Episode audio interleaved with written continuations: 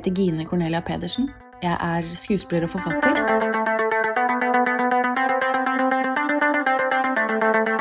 Eh, Jeg gikk på Teaterhøgskolen. Kom inn der i 2012. Jeg søkte fire ganger.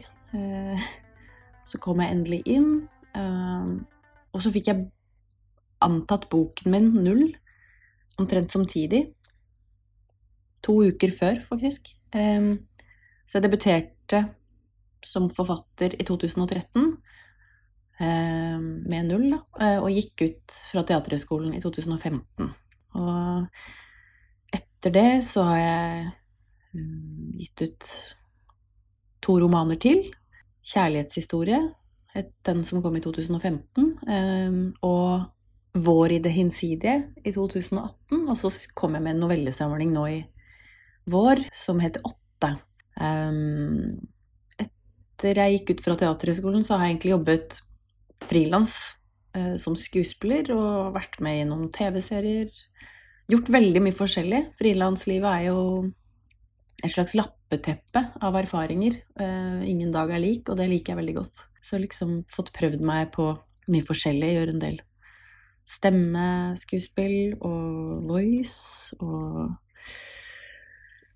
eh, lydbøker som jeg gir stemme til, og i det hele tatt Jeg har skrevet et teaterstykke for ungdom, og nå har jeg også debutert som manusforfatter for film for første gang. Og det er en film om Edvard Munch som kommer i 2023.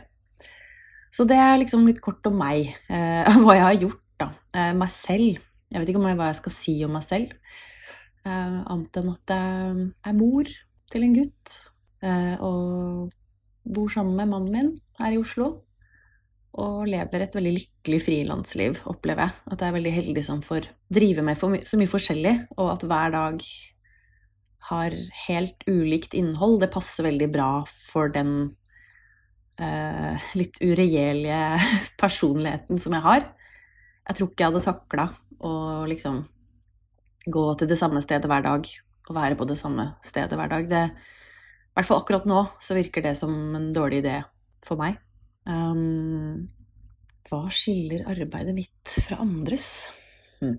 Det er jo en, et veldig vanskelig spørsmål å svare på, egentlig. Men uh, jeg kan i hvert fall si noe om min inngang til arbeidet mitt, som kanskje Jeg tror jo at hver arbeidsmetode er unik, fordi alle er forskjellige. Det er jo åpenbart. Men um, at jeg jobber veldig intuitivt, det er i hvert fall si, hovedvekten min har ligget der, da. På å stille meg egentlig ganske åpen for det som kan komme til meg, heller enn det å kreere så mange ideer selv. Men i de siste årene så har jeg jo egentlig begynt å, hva skal man si, raffinere den metoden. Jeg liker ikke det ordet egentlig, for det er jo ikke en metode, men raffinere min egen inngang til det, da. Sånn at jeg, selv om jeg jobber veldig intuitivt, så har jeg kanskje vært i en slags intellektualiseringsprosess rundt det veldig, veldig eh, intuitive arbeidet eh, som jeg har gjort, eh, og som er mye basert på egentlig,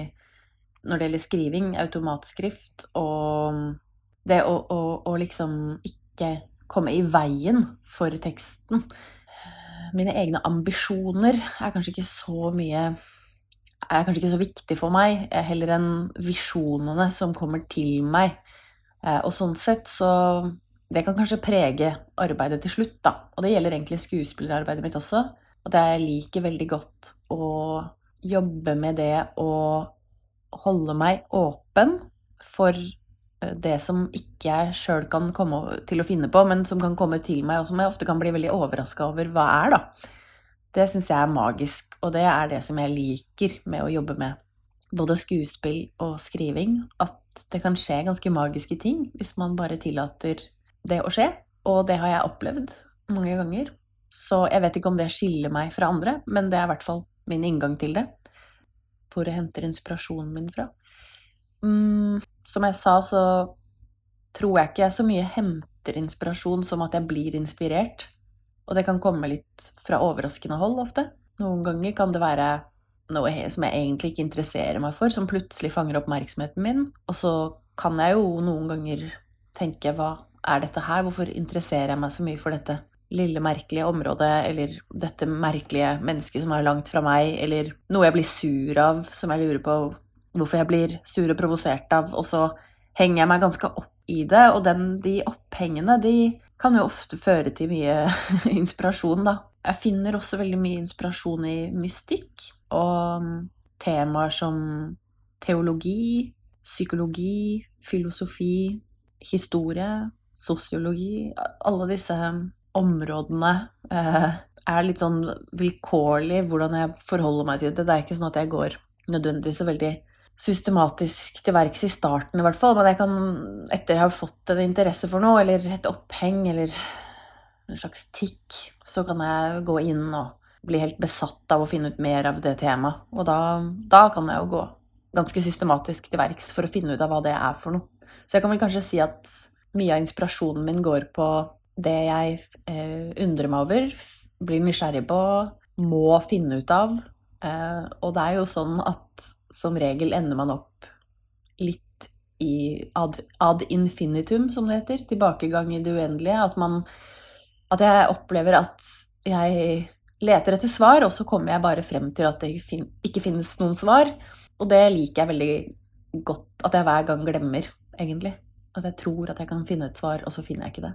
Det syns jeg er inspirerende. Den gravinga der. Eh, så blir jeg veldig nysgjerrig på hva som bor i andre mennesker. Hvorfor vi gjør som vi gjør. Jeg blir også veldig inspirert av mennesker som har gjort ting som synes litt fantastiske. Som kan virke som bragder man ikke kunne forestille seg at et menneske kunne gjennomføre. F.eks. Shakespeares verker, Munchs produksjon. Mennesker som bare virker å ha sånt, et sånt overskudd som bare er litt utenomjordisk. Det syns jeg er inspirerende å bare vite om, uten at jeg nødvendigvis Eller ikke nødvendigvis engang, eh, men uten at jeg sammenligner meg eller føler at det er noe som har med meg å gjøre, så føler jeg at det er et håp i det at det finnes et overskudd som er litt utenomjordisk hos noen mennesker og kunstnere, og at kanskje hvis man, eller jeg, da, eh, stiller meg litt åpen, så kanskje jeg kan få til litt mer enn jeg trodde at jeg orka. Eller ja, jeg blir i hvert fall veldig uinspirert av veldig monoton eh, monotone ting. Eh, så det har jeg funnet ut, at jeg liker veldig godt en sånn adhoc-tilværelse, da. Der, jeg må være liksom litt åpen for en improvisatorisk innstilling, hvis jeg kan kalle det det, til det meste. Hvor viktig og effektiv jeg syns forfatterskapet mitt er i samfunnet. Oh, for et forferdelig spørsmål! um, effektiv Det Jeg vet ikke om kunst skal være effektivt. Det tror jeg ikke. Viktig. Hva betyr det? Hva betyr det at noe er viktig? Altså, det er den derre klisjeen om at hvis noen kjenner seg igjen eller finner trøst i det man gjør, så er det verdt noe. Og det kan jeg egentlig, kan jeg egentlig si at jeg er enig i, fordi jeg har jo ofte opplevd at mennesker kommer til meg og sier at det jeg har laga, enten spilt i eller skrevet, at det har hatt en reell innvirkning på dem, på livet deres. Det er jo for så vidt effekt, årsak-virkning så sånn sett er jo det effektivt, men jeg kan jo ikke vite hva slags effekt det har sånn summa summarum. Jeg kan jo ikke vite hva det ender med. Så sånn sett er jo kunst absolutt noe man på et generelt grunnlag burde se på som en viktighet bare i det at man produserer noe, gir det ut, lager noe som påvirker andre. Det å vite om at det påvirker andre, det at vi er i verden som mennesker, enten det er som kunstnere eller medmennesker eller bare et lite smil, eller Jeg tror på at alle mennesker har en effekt i livene sine på andres liv. Og det å ta da og lage noe som liksom skal si noe utover det, det er jo enda, et enda større ansvar. Um, samtidig som det bare er kunst. Så jeg prøver Det er liksom eh, Jeg liker veldig godt det uh, Bruce Springsteen sier, at uh, It's a matter of life and death. But it's only rock and roll. Det syns jeg er um, egentlig litt dekkende for mitt kunstsyn, livssyn, ja, what have you. Men um, jeg aner ikke hvor viktig eller effektiv kunsten min eller forfatterskapet mitt er i samfunnet. Det, aner, det aner jeg ikke. Men, jeg, men, at det har noe å si for andre mennesker, det tror jeg. Hva er mine fremtidsplaner? Jeg er veldig dårlig på frem, fremtidsplaner.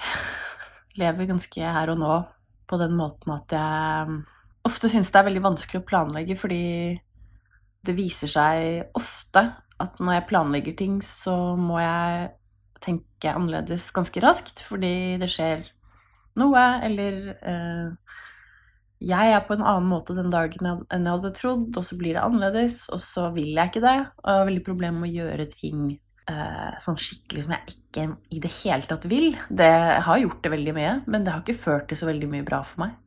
Så jeg prøver å holde meg åpen rundt fremtid, fremtidsplanene mine, men samtidig så er jo egentlig planene mine bare å være en god mor for sønnen min, og håper jo at jeg kan fortsette å inspireres og synes det er, eh, er noe der jeg kan bidra med uh, via skrift eller skuespill, eller at jeg får leve av det jeg føler meg egentlig det eneste jeg føler jeg kan sånn skikkelig. Jeg håper at jeg kan bli flinkere til å tørre ting ikke være så redd for mye. Jeg er veldig mye redd for, for, alt mulig, for hvordan ting skal gå, og det er jo egentlig en selvmotsigelse, siden jeg lever så adhoc og lever så vilkårlig som jeg gjør.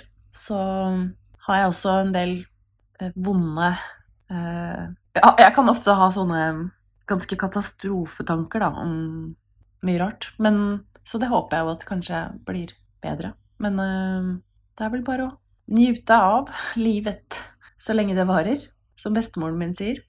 En veit jo ikke hvor lenge en lever. Og det er sant for meg òg.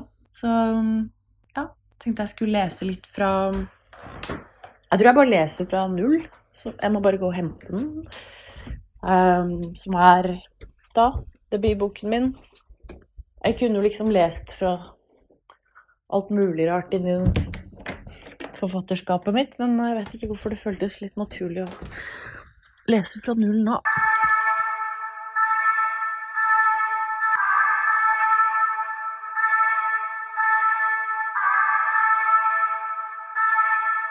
Jeg er ti år. Jeg absorberer alt uten filter. Jeg tror at Gud hører når jeg ber. Jeg har sett tre døde kropper, to gamle og en ung. Jeg gråter om natten og føler at jeg er helt alene, og at ingen kan redde meg.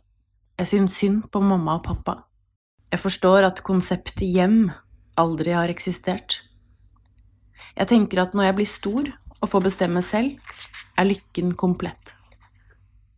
Jeg tror jeg skal leve for alltid, samtidig som jeg tenker på døden nesten hver dag. Jeg heier på de slemme i alle Disney-filmer, men sier det ikke til noen. Jeg gjør handlinger mot søsteren min som vitner om sosiopatiske trekk. Jeg syns 100 kroner er en formue. Jeg har smugrøyket to ganger. Jeg får en liten bror. Jeg riper opp en bil med en stein. Jeg har kysset fem gutter. Jeg skal bli skuespiller eller artist når jeg blir stor. Jeg har tre fantasivenner. Jeg leker med Barbie når ingen ser på. Jeg kan sykle dritlangt uten å bli sliten. Jeg tror på evig kjærlighet mellom to mennesker. Jeg syns Pamela Anderson er pen.